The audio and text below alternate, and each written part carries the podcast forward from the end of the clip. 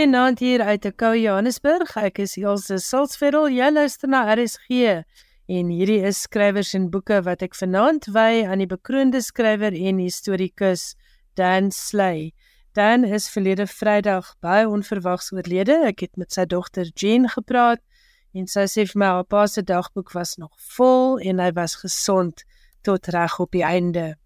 Dan sou op die 3de November sy 85ste verjaarsdag gevier het, maar was reg tot aan die einde van sy lewe nog besig met bewaringswerk en hy het vir ook so 'n bietjie daarvan vertel in 'n laaste e-pos wat ek verlede donderdagmiddag ontvang het.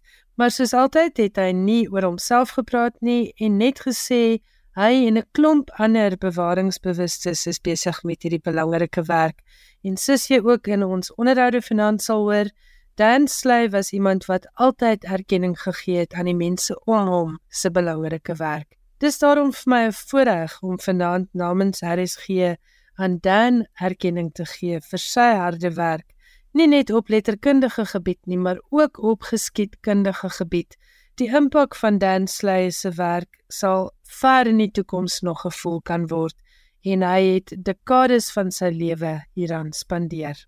Jy sal kan luister na uittreksels uit argiefonderhoude wat in die laaste 10 jaar opgeneem is en dan het ek ook met Dan se uitgewer van die laaste dekade, Hester Karstens, gesels. Eerste aan die beurt, 'n geredigeerde verkorte uittreksel uit 'n onderhoud wat ek in Februarie verlede jaar met Dan gevoer het. Lekker luister.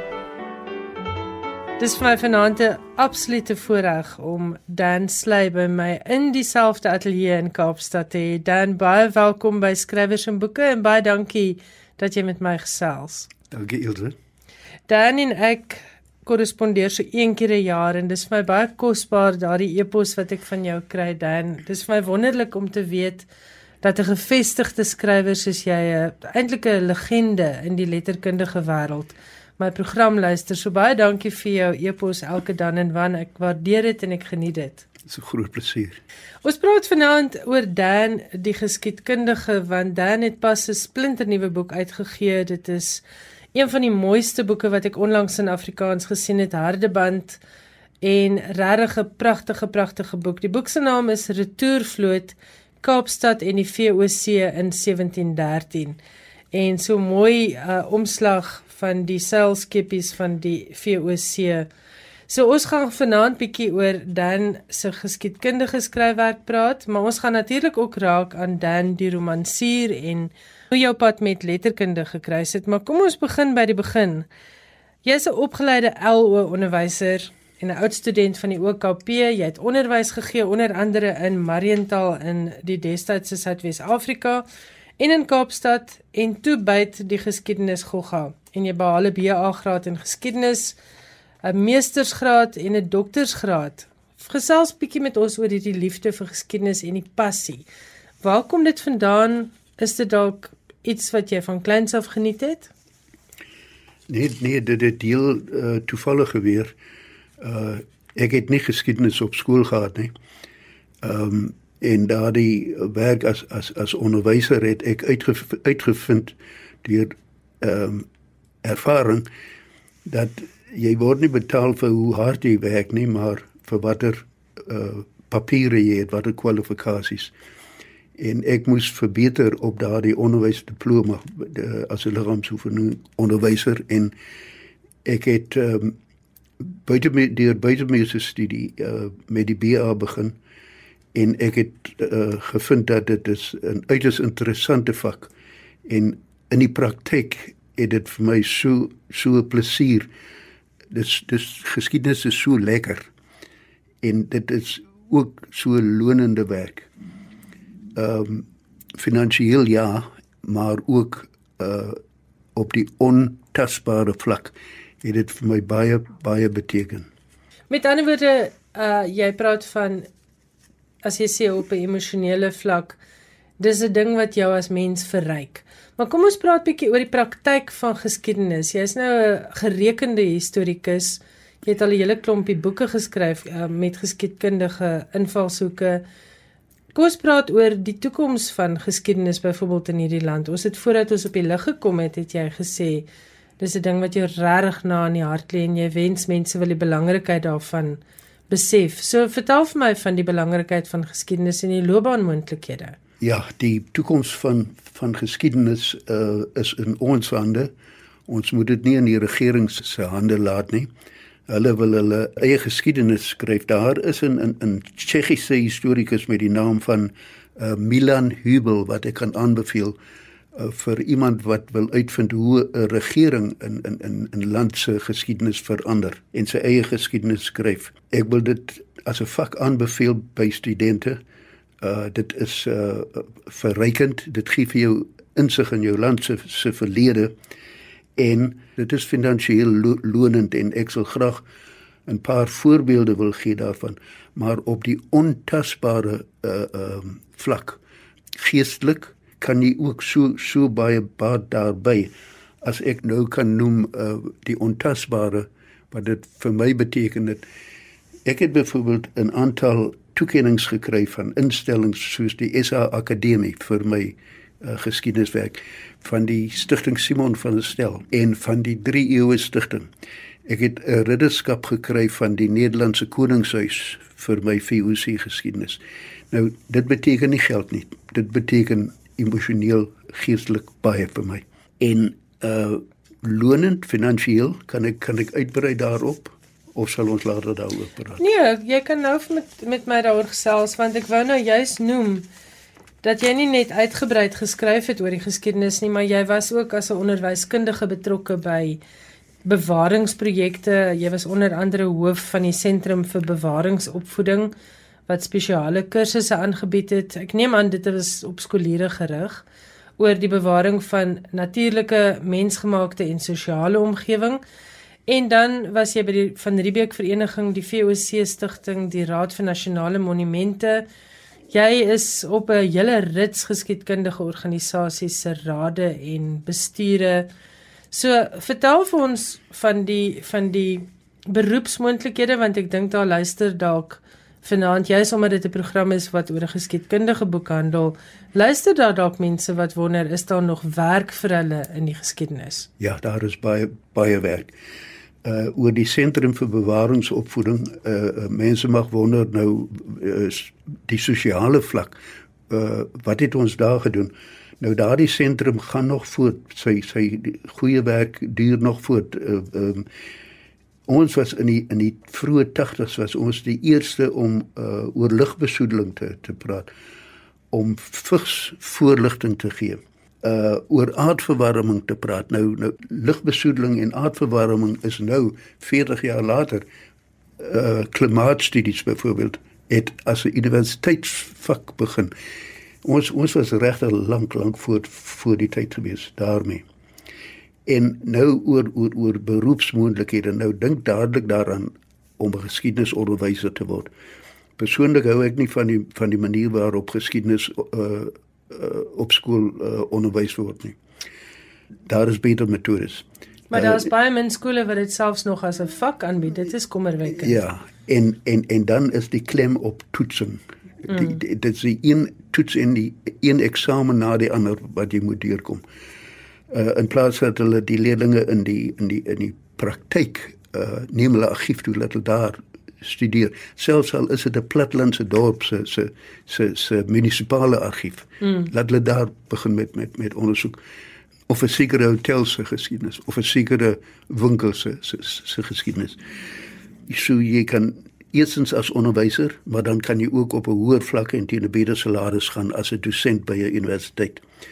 En dan is daar die skryf van geskiedenisboeke wat wat goed verkoop.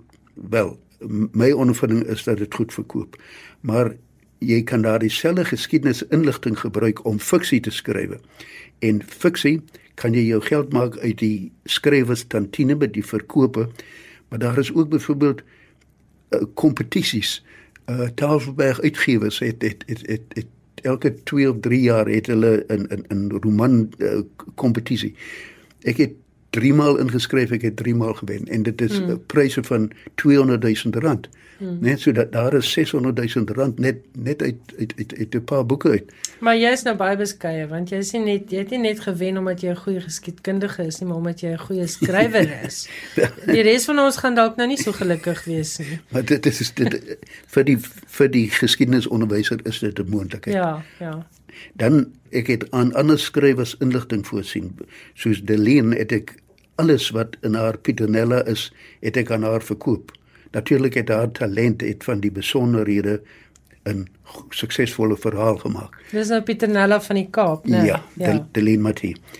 Dan ehm um, het ek aan die uh, afdeling rampbestuur van die Kaapse Stadsraad. Ek het op hulle versoek in 20 jaar gelede 'n katalogus van rampe uh, wat die Skiereiland eiland oor die eeue getref het geskryf. En daar is meer ek het as 'n spesialis getuie uh, of wat noem 'n expert getuie in die grondeishof en ook in die gelykheidshof verskeie kere ehm um, agter die advokaat se skouer gesit en vir hom inligting oor sy skouer aangegee. Vir 2 of 3 maande is nie net 'n baie interessante en leesame ervaring nie, maar die betaling was was was regtig goed. Uh, ek het die voorreg gehad om saam met uh, die geniale um, Jeremy Gauntlet te werk, mm. die advokaat. Hy is wonderlik goed. Dan het ek uh transkripsies van VOC dokumente, 'n 3 jaar kontrak met die Nederlandse regering gehad wat ek in die argief uh gewerk het en die VOC dokumente op op op op uh rekenaar gesit het.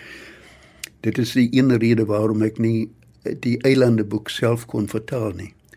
Ek het net begin aan daardie kontrak, maar weer eens was ek so gelukkig dat Tafelberg het vir Andre Brink gekry mm. en die voorreg en plesier om saam met hom te werk was was was was 'n wonderlike ervaring wat ek nooit sal vergeet nie. Andre het het het het, het 'n pragtige vertaling daarvan gemaak. Die kennis van geskiedskrywing om die geskiedenis van plase te skryf Die regte ekspert van plaaslike geskiedenis skrywe is my vriend Elena, Dr. Scheffler. Sy het beroemde plase soos Lamotte en Mirazi vir mense soos Anton Rupert en en Ryk Melk geskryf. Sy het 4, 5, 6 van die goed geskryf.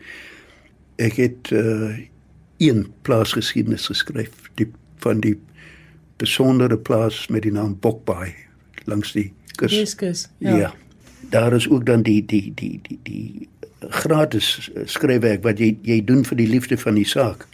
Wat ek byvoorbeeld vir vir Erfenis Weskaap uh, geskiedenis geskryf het van sekere geboue uh of sekere uh, plekke of sekere artefakte. Omdat hulle nie die personeel het die opgeleide personeel met die kennis om dit te doen ek doen dit baie baie graag.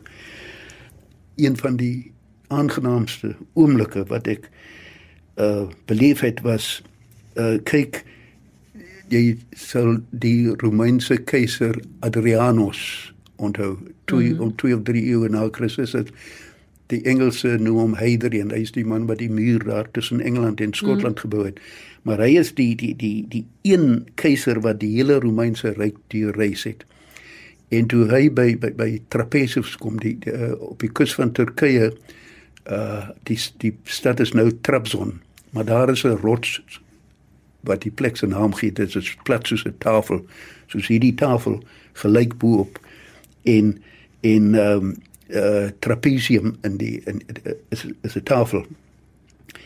En uh Adrianus het het in sy joernaal geskryf vandag het ek gestaan waar Xenophon gestaan het. En Xenophon het daar gestaan 3 eeue voor Christus En toe ek daar staan eintlik 2000 jaar later, toe kon ek sê vandag het ek gestaan waar Adrianus en Xenophon gestaan het. Wat 'n wonderlike ervaring om om want dit is nie 'n groot 'n groot rots nie. Dit so, so, so, so jy moes baie naby aan hulle gekom het en jy kyk uit oor die see, oor daardie lig blou see, dit is lig groen see, dit is alles marmer onder die water. Die die hmm. die wit wit skyn deur die water. Dit is amper soos soos melk, ligte blou.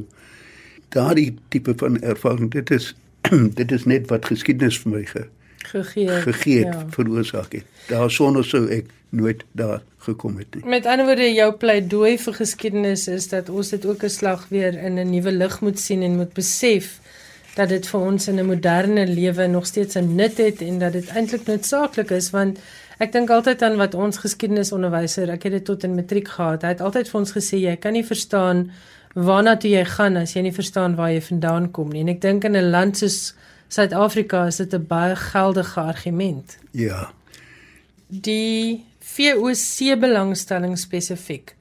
Wat was dit wat van jou 'n ekspert daarin gemaak het want dit was ook die onderwerp van jou doktorale tesis. Die titel was Die buiteposte in die ekonomie van die Kaapse Verversingsstasie 1652 tot 1795. Wat is dit van die VOC, die retourvlote, die hele vestiging van die Kaap wat jou so fascineer? Dit is so interessant. dit is so 'n plesier, dit is so lekker. Dit is daar is geen einde aan die aan die VOC nie. Jy kan medisyne uit die VOC hoek bestudeer. Ons het gehad uh, Kay de Villiers, professor Kay de Villiers. Hy mm -hmm. was 'n ekspert op daardie gebied oorlede. Uh die militêre geskiedenis. Daar is nou 'n nuwe lieflike boek oor van uh een van Oort uh, uh, uh The Battle for the Cape mm -hmm. en en en dit is 'n boek wat 1500 rand kos, was omtrent 1500 bladsye. En en en die die militêre en ekonomiese belang van die Kaap vir Engeland en waarom Engeland uiteindelik die Kaap moes hê en moes wat van die kompie. Nou dit is militêre geskiedenis. Maar die die die, die bosbou, die ontginning van van die uh, houtbosse uh, Andre Appel het het het oor die houtbosse geskryf. Wingerd en wyn en daar het Tico van Sail het daaroor geskryf. Jy kan hoeveel aspekte die skaapboerdery, die die ehm um, die, die inwolinge, die koina. Hmm. Dis die slawe, dit is nou baie populêr. Uh, wêreldwyd nou almal almal doen navorsing ja, oor die slawe geskiedenis. Ja, en en baie is in trane oor die oor die, oor die slawe geskiedenis, maar my opinie van natuurlik uit die hoek van historikus, jy kan nie emosioneel betrokke raak nie. Net 'n vraag, luister jy musiek as jy skryf of as jy navorsing doen of is daai proses vir jou 'n stil proses? Ja, wanneer ek skryf, dan moet ek luister na my eie klanke en my eie ritmes. Dit is vir my belangrik hoe woorde klink. Ek kies die woorde wat reg klink en jy moet ehm uh, jou jou jou jou ritmes uh uh inpas. Ehm um, dit is dit is dit is vir my baie baie belangrik so so so, so daarom wil ek stilte hê as ek as ek skryf. Lees jy byvoorbeeld 'n paragraaf vir jouself hardop terug as jy geskryf het? Ja, ja ek doen dit. Ja. Jy is waarskynlik die heel bekendste vir romans soos Eilande en Afstande en dan Wals met Matilda, die drie boeke wat jy ook gesê het vir jou die die pryse van by NB in die sak gebring het. Uh, jy het jou skryfdebuut gemaak met 'n digbundel. Ek het dit nie geweet voordat ek nie navorsing oor jou gedoen het nie.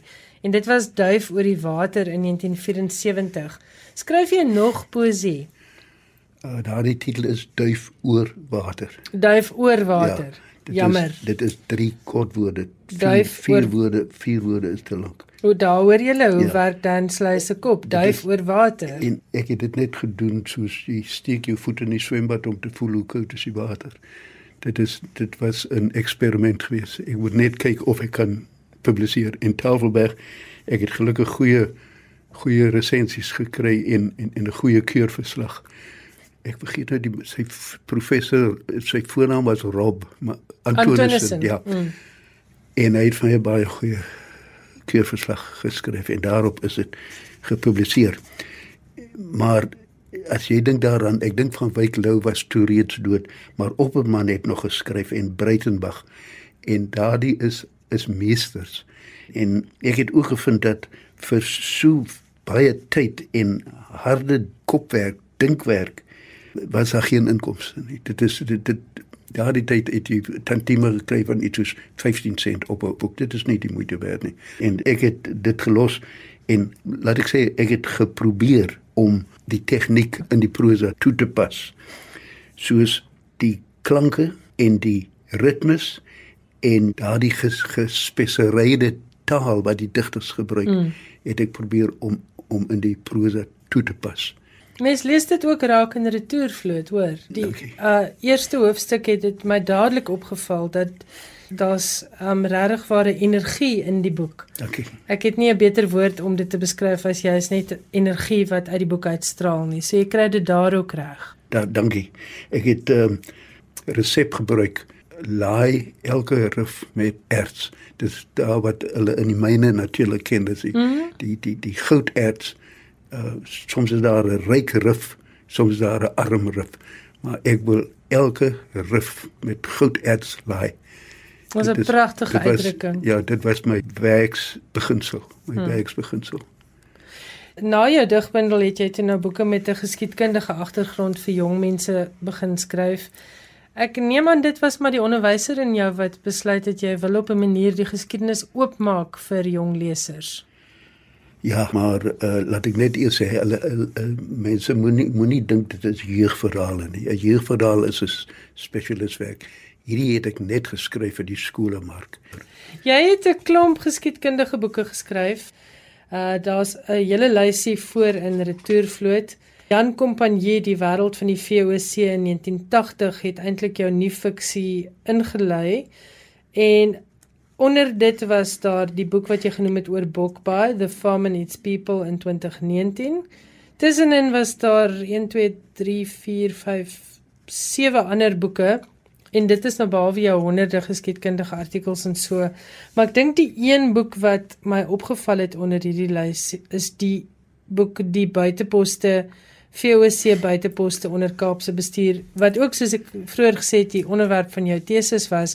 Is dit jou grootste bydrae tot Afrikaanse Suid-Afrikaanse geskiedenis? Ek dink so uh, nie nie in in 'n onderwerp nie. Hoewel dit is 'n was 'n splinte nuwe onderwerp en dit het baie uh uh, uh indigting uh, uh ek sou sê dit is die nuttigste my uh professor uh, Dirk Kotse uh, oorlede het in sy kommendaatjie ge, ge, geskryf uh sover hy weet is dit die grootste navorsingspoging in die Suid-Afrikaanse geskiedskrywing. En uh ek ek sou sê dit is van praktiese nut vir vir plaaslike en streeks ges, ges, geskiedenis. Die ontwikkeling van die hele Weskaapse kusstrook tot sover as Plettenberg uh, wat deur die kompanjie ont, ontgin is en ontwikkel is. Dis alles in daardie boek die buiteposte. Dit is gaan oor die kompanjie se 57 buiteposte. Sjoe. Ja, dit is nog geensins aangeraak van tevore nie. Dit was 'n heel nuwe terrein. Dit is waar ek die eerste keer kennis gemaak het met die retourvloot van 1713, nie die een van van Steeland. Uh omdat die buitepos uh Leeukop het nie gefunksioneer nie. Mm. Dit, dit is so 'n belangrike buitepos en dit is so 'n belangrike vloot wat hier aankom want hy dra die pokke die epidemie van kinderpokke dra hy aan boord. Maar niemand weet dit nie. Niemand weet dit nie. Mm. En die die uh gebruik dat daar kom 'n 'n 'n militêre persoon en die hawemeester en 'n 'n mediese man kom aan boord en inspekteer die die skepe en doen verslag aan die uh gouverneur voordat hulle anker. Hmm. Dit het nie gebeur nie omdat die die die uh, uitkyker op Leeukop was nie op sy pos nie.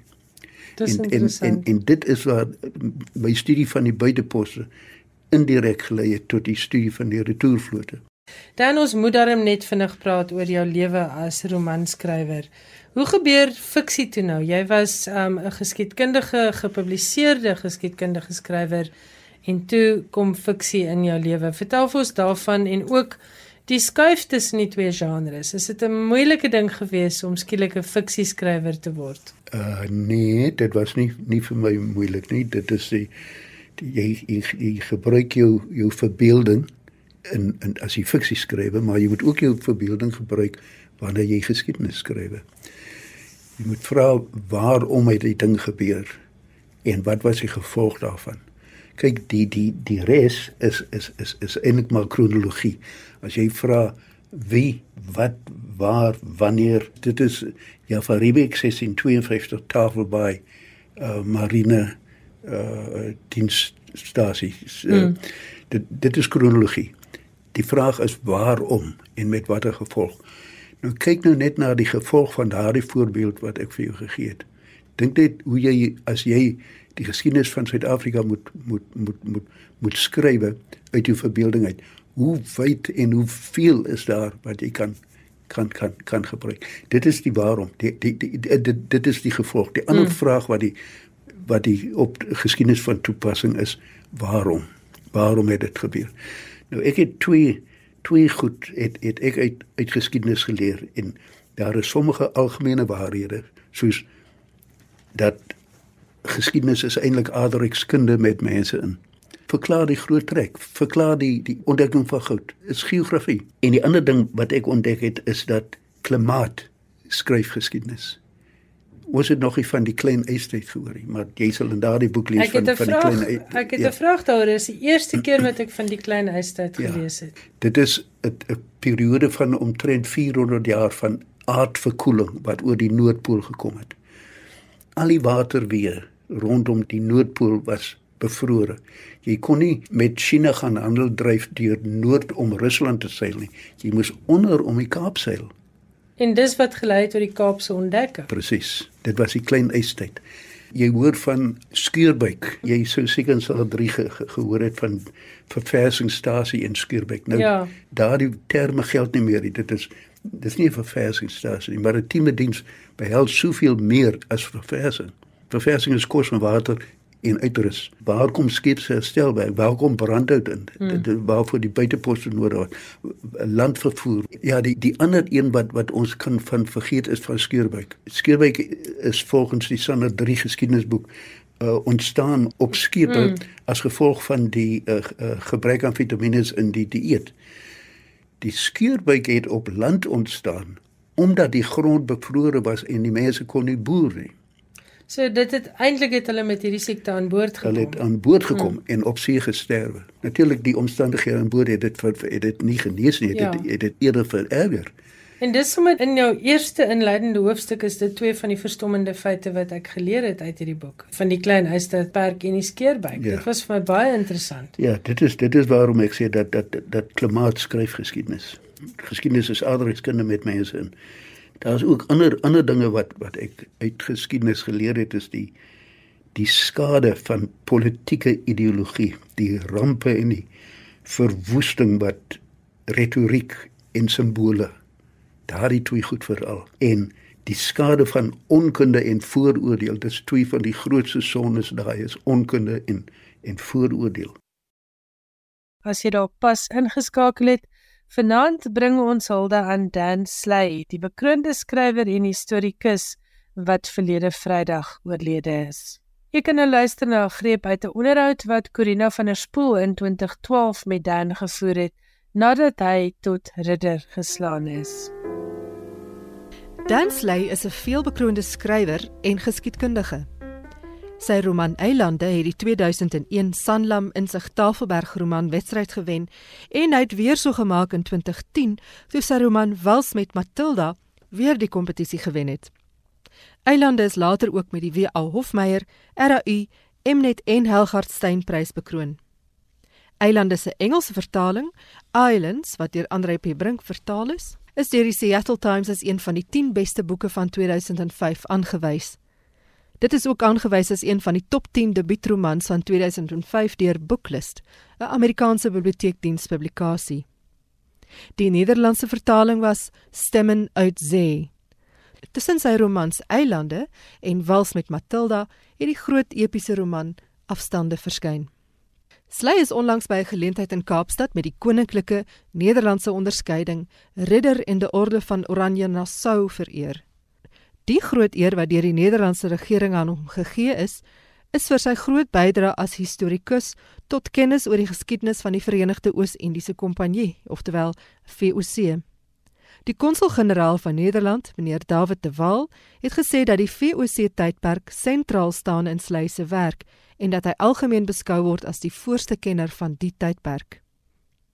Ek het vir Dan Slay gevra wat die toekenning van die ridderorde vir hom beteken ek ek glo dat die ridder uh, ridder wêreld veel beter bekend uh, hier is om die romantiek as om die geskiedenis. Ehm um, maar ek hou van die middeleeuse agtergrond. Dit dit pas my goed. Uh hoewel lettere wel in die in, in die sitaat uh genoem word, glo ek dit is vir my VOC studies ehm um, hoofsaaklik. En uh, hoe ek ek is dankbaar daarvoor. Ek ek kan dit nie elke dag om my nek hang nie. Uh net by baie spesiale geleenthede. So ek moet maar voortgaan soos voorheen, uh, 'n uh, staatsdienspensionaris met een oog. My uh plesier en my waardering daarvoor is baie groot. Oor die waarde van argiefnavorsing teenoor internetnavorsing het Dan Sley oor die argiewe gesê: Wel, dit dit dit dit is die bron, dit is die die egte bron. Ek ek kan nie uh uh glo wat ek lees op Wikipedia en Google en so voort. Ek moet die egte bron sien. Ek het al volop voorbeelde wat mense na my gebring het. Uh hier is my plaas se geskiedenis. Dit staan op die uh uh op Google of op 'n ander uh bron. Dan sê ek vir hom maar man jy ons kan daardie stuk papier net opskeer. Dit is uh, iemand het dit uit sy duim geduim gesuig. Hm. So so ek werk net met oorspronklike bronne. Hm. Hoeveel slei oor geskiedskrywing teenoor om 'n roman te skryf? Ek weet nie of ek dit moet sê maar my eerste liefde is is is geskiedenis. Ehm um, dit is net die ander ene betaal soveel beter. maar mm -hmm. maar dit is 'n uh, dit is my die een is vir my 'n groot plesier en die ander een is vir my baie harde werk. Is dit die roman wat baie harde werk is of uh, andersom? Dit is dit is harder werk as die as die geskiedenis. Mm -hmm. Nou jy weet die die die uh, geskiedenis is is, is uh, hoewel die een word kuns genoem en die ander een is 'n kuns en 'n wetenskap tesame. Kuns uh die die die wetenskap lê in die navorsing, die kuns lê in die skryf uh van geskiedenis. Daarom wat jy kan sê dit is 'n kuns sowel as 'n geskiedenis terwyl die die ander een is soveel uh uh, uh, uh meer moeite om om te doen uh vir my althans die die die die die roman dit is 'n uh, werklik harde werk vir my Dit was Dan Sley in 2012 in gesprek met Corina van der Spool. In 2016 het Suzette Kotse met Dan gepraat oor sy boek 1795. Ons luister nou na uittreksel uit daardie onderhoud waarin Suzette met hom praat oor sy gebruik van Afrikaans en ook oor die skrywer karakter in sy romans. Van jou boek 1795 was dit vir my 'n enorme plesier om die taal te lees en om veral insig te kry in die vestigingsgeskiedenis van Afrikaans. Daai eerste 150 jaar waarin Afrikaans basies sy beslag gekry het, bekend toe nog as Kaapshollands, maar eintlik dit was maar al hmm. reeds Afrikaans. Byvoorbeeld die herkoms van woorde. Daar's soveel interessanthede in die taal. Ek die indruk gekry jy het moeite gedoen om deur te gee ook ten opsigte van die ontwikkeling van Afrikaans. Ja, dit is een van die uh, aspekte van skryfwerk waarvan ek hou omdat dit so interessant is. Ek het woorde hierin as ek nou probeer dink. Jy ken die woord babbelas? Ja. Wat beteken dit? Ehm um, uh, môreoggend voel jy baie sleg as jy die vorige aand te veel gedrink het. Ja, en jy jy, jy slinger en val heen en weer. Nou mynsins iets kom dit van die skeepsterm bovenlast. Bovenlast is 'n skeepsterm as die skip rank is en slinger van kant tot kant. Jan van Riebeeck se dromedaris is byvoorbeeld in die Engelse kanaal omgeslaan van bovenlast. In die volksmond word dit later bovelas van bovelas. Dieselfde het gebeur van Baffian na Bobbejaan, ja. maar in die teenoorgestelde rigting. Dis ook een van die goed wat lekker is in jou werk is dat daar hierdie sprankelende oomblikke van humor wat deurkom in 'n nogal 'n dit staan so uit. Nog 'n laaste vraag. In elk van jou 3 historiese romans, uh, Afstande, Eilande 1795, het jy hierdie skryba figuur, hierdie skrywer figuur in en dan in Wals met Matilda eh, sommer net reguit te skrywer in die in die hedendaagse sin van die woord. Daai skrywer identifiseer mense dan uiteindelik tog met jou. Hoekom skryf jy elke keer die skrywer so sterk in jou teks?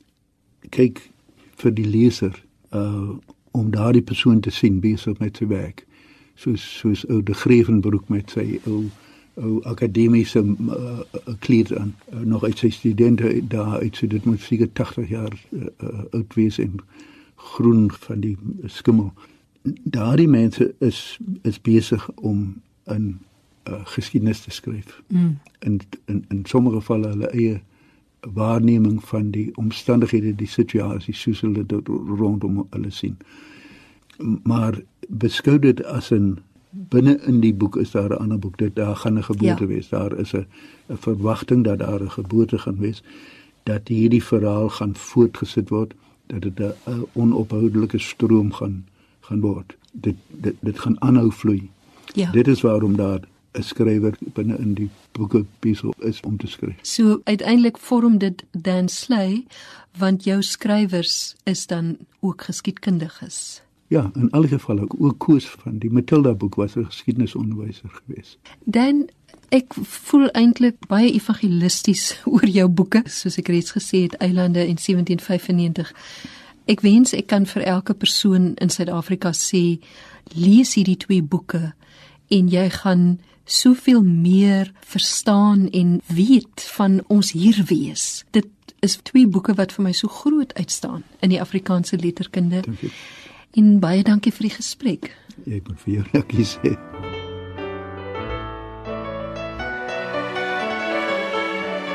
Dit was Suzette Kotse in gesprek met Dan Sley en daardie argiefonderhoud kom uit 2016. Soos altyd, baie dankie aan Karen de Tooy vir haar hulp met hierdie argiefonderhoude.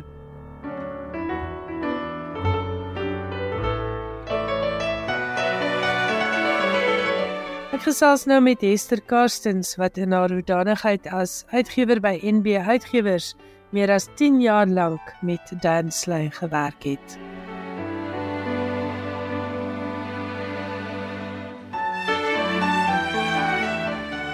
Vertel vir ons asseblief van Dan die mens. Julle het lank saam gewerk. So 'n bietjie van die die skrywerspad uiteraard, maar veral natuurlik die mens agter die skrywer en geskiedkundige. Ja. Wel die eerste ervaring wat ek van Dan gehad het, was nie eintlik as sy uitgewer nie, maar dit was as 'n ander skrywer se uitgewer toe ek ehm um, hoe lank is dit gelede? Byna 10 jaar gelede 'n verslag by Dan gevra het oor 'n ander skrywer se historiese roman. En ehm um, ek was toe nog heel groen as uitgewer en die ouderdomsverskil tussen my en Dan was 43 jaar. En hier vra ek hom nou vir 'n verslag en ek gaan sien hom by sy huis in Pinelands. Heel intimiderend natuurlik, die groot Dan Slay van Eilande Farm, hier gaan ek. En die hartlike ontvangs wat mens altyd by hom aan huis gekry het en ek het hom meestal ook aan huis ervaar altyd. Daar's vir jou koffie gemaak. Later jare meer onlangs wanneer die sig nou al gesukkel het en die hande al gebewe het, hy maak vir jou die koffie. Gesels eers lekker. Teen die tyd toe ek later met hom gewerk het en ek het nou al 'n seentjie, dan moes ek eers altyd alles vertel oor my kind. So die indruk wat mense wat ek dink baie mense moontlik gehad het van 'n streng, vreeslik feitelike, puntenerige persoon, al hierdie dinge was hy maar hy was ook die gaafste, hartlikste, mees meelewende persoon. En die eerste verslag wat ek hom toe nou moes voorvra, het hy uh, ernstige probleme met die teks gehad waaroor hy die verslag geskryf het en tog omdat hy geweet het dit is 'n jong skrywer met wie hy te doen het, het hy moeite gedoen om eers al die mooi dinge waaraan hy kon dink te sê oor die teks en groot waardering uit te spreek vir 'n teks waarmee hy eintlik nie vrede kon hê nie. 'n Teks wat hy eintlik gedink het ernstig problematies is. So my eerste ervaring het het het die toon gestel van 'n wonderlik liewe persoon om mee te werk wat weliswaar uitsonderlik puntenerig was en 'n ding moes reg wees. Dis nou maar net eenmal so. Verkeerd was verkeerd en reg was reg. Toe so 'n paar jaar daarna, 2 jaar daarna omtrent het ek die wonderlike voorreg gehad om dan se laaste roman te kon uitgee. Dit was toe sy jarelange uitgewer Rihanna Barnard weg is by Tafelberg Uitgewers en sy die fantastiese geloofsprong gemaak het om sy sy literêre werk aan my toe te vertrou. Toe werk ek en Dan aan sy roman 1795 wat begin het onder 'n ander titel. Ehm um, dit was die laaste goeie man glo ek waarmee hy die romanwedstryd by NB Uitgewers gewen het. En die proses was net is net 'n vreugde. Daar daar is nooit moeite wat te veel is vir Dan gewees nie. Jy het hom gevra om sy eie teks 100 keer na te gaan vir klein foutjies se wegwerk en 100 keer sou hy dit nagaan. Ook daar was altyd die groot probleem met sy visie, die visie probleme het maar gekom en gegaan soms beter en soms slegter, maar daar was nooit 'n tyd wat dit vir hom maklik of moeiteloos was om die fyn visuele werk te doen wat wat sulke tekste vereis nie, maar doen het hy dit gedoen voor jy dit nodig het, altyd betyds. Dit was werklik net 'n vreugde om saam te werk met hom. Toe ons later jare nou die laaste van so einde 2019 af saamgewerk het aan die magistrale retourvloot, sy nie fiksiewerk. Ehm um, was hy ook al heel wat ouer, dinge was nog meer moeisaam en dit was 'n projek met baie meer bewegende deeltjies, prente wat ons moes vind en isoleer en laat ehm um, repro werk op doen. Besluite oor visuele aspekte, kaarte was 'n baie baie groot projek wat vir my omtrent vir 6 maande net my hande daaraan vasgehad het. En etlike etlike besoeke aan Dan later het dit regtig vir my gevoel na daai boek was ons nou werklik al vriende. Dan sit ek by hom in sy vreeslik lekker huis in Pinelands en ek, hy sien ek kyk na 'n tempie langs my hand. Sê o ja, sien jy daai daai asbakkie daar? Dit was nou Daleen Matthee se asbak. Dan vertel hy my eers 'n halfuur lank oor toe hy en Daleen Matthee gewerk het aan ek dink so dit was Pieternella van die Kaap. Of hy sal skielik sien ek let 'n roman op dan praat ons eers 'n halfuur oor die skrywer en hoeveel van sy werk hy al gelees het. So dit is dis nie noodwendig elke dag wat jy ook 'n ouderdomsverskil van wat 43 jaar tussen ons. Ek stel by hom in as 'n jong jong vroulike uitgewer en hy het nie ooit didn't bat an eye. Ons het voortgewerk soos kollegas. Dit was 'n wonderlike verhouding. Jy noem nou dat Rihanna Barnard jare lank sy uitgewer was en ek ja, ek dink ek wil vir luisteraars sê die tipe mens wat Dan Sley was, toe sy weggaan het, hy vir my e-pos gestuur. Ons was op daardie stadium nog nie aan die korrespondeer nie, maar net om te wys hoe groot mens hy was. Hy het my e-pos gestuur en gesê, um, hy is nou Dan Sley en hy wil vir my 'n groot guns vra sy jarelange uitgewer gaan weg en hy wil graag net 'n bietjie dankie sê vir haar harde werk op sy uh romans deur die jare. Sal dit moontlik wees dat hy net 'n paar minute op die lig aan haar kan wy want sy het haar lewe aan skrywers gewy. En dit sê vir my alles van die tipe mens wat hy was en daarna het ek gereeld ook eposse van hom gekry om te sê Baie dankie vir 'n interessante program. My het hiervan gehou en is dit nou nie interessant nie. So ek deel jou jou sienswyse dat hy werklik waar nie iemand was wat hom aangestel het nie al was hy waarskynlik een van die slimste mense wat ek hier voorheen gehad het om ooit te ken. O ja, een van die heel heel heel slimste. En slim op allerlei maniere. Toe ons aan retourvloot werk, ek weet nie meer hoekom nie, maar ons moes een of ander sommetjie doen en dit is nou die laaste ding wat ek ooit wil doen is hoofrekening. En net daar en dan gaan gou 'n papier uitgepluk en vir my baie baie mooi uiteengelê oud onderwyser wat hy was. Presies hoe ons nou hierdie sommetjie in ons koppe nou gaan doen. Nee nee nee, ek moenie my sakrekenaar uithaal nie. Ons gaan dit nou doen. Hy wys vir my, so doen ons dit. Ja, een van die slimste mense en erkentlik absoluut soos jy nou die storie oor Rihanna vertel. Absoluut erkentlik vir ander mense se bydraes en die waarde wat ander mense aan projekte bydra. Ja.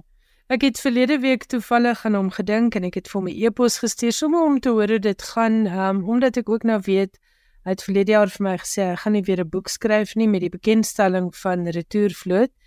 En ek het donderdag middag 'n e-pos teruggekry van hom waarin hy weer eens praat oor die ander mense wat saam met hom besig is met die bewaring van Suid-Afrikaanse geskiedenis.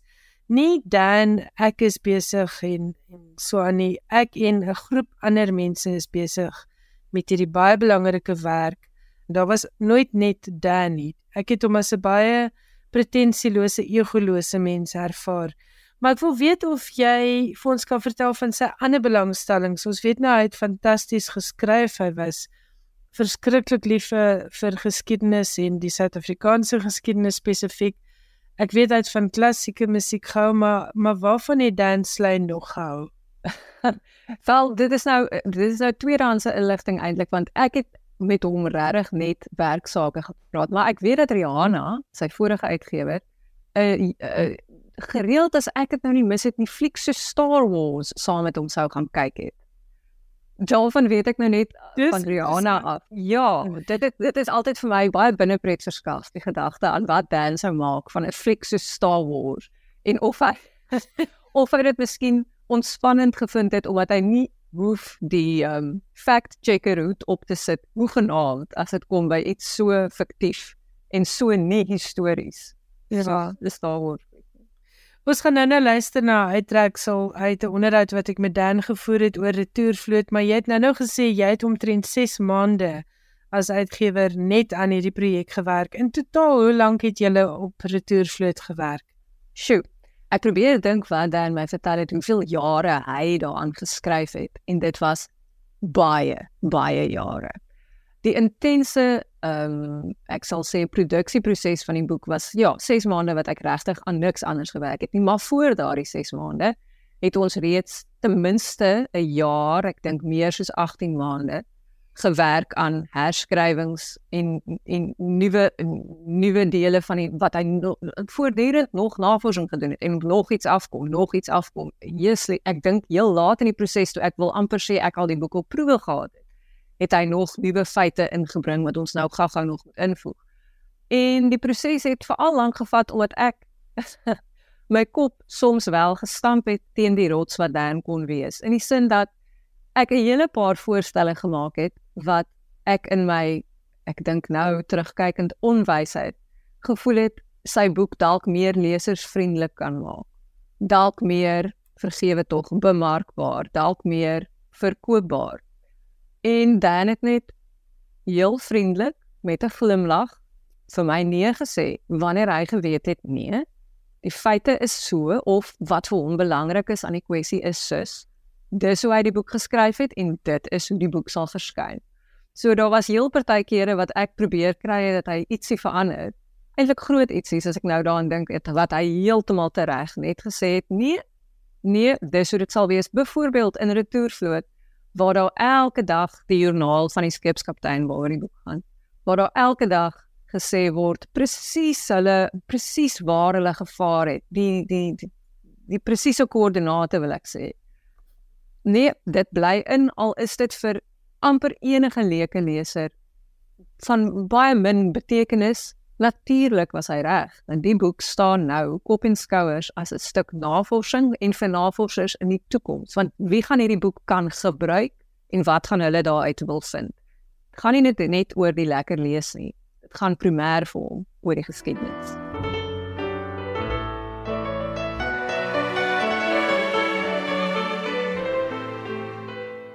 Dit was Hester Karstens wat vir byna 'n dekade Dan Slay se uitgewer was. Jy het geluister na 'n spesiale program oor die lewe en werk van die bekroonde historikus en skrywer Dan Slay. Tot volgende week wanneer ons hulde bring aan Wilma Stokkenstroom wat op die 7de Augustus haar 90ste verjaarsdag vier. Totsiens.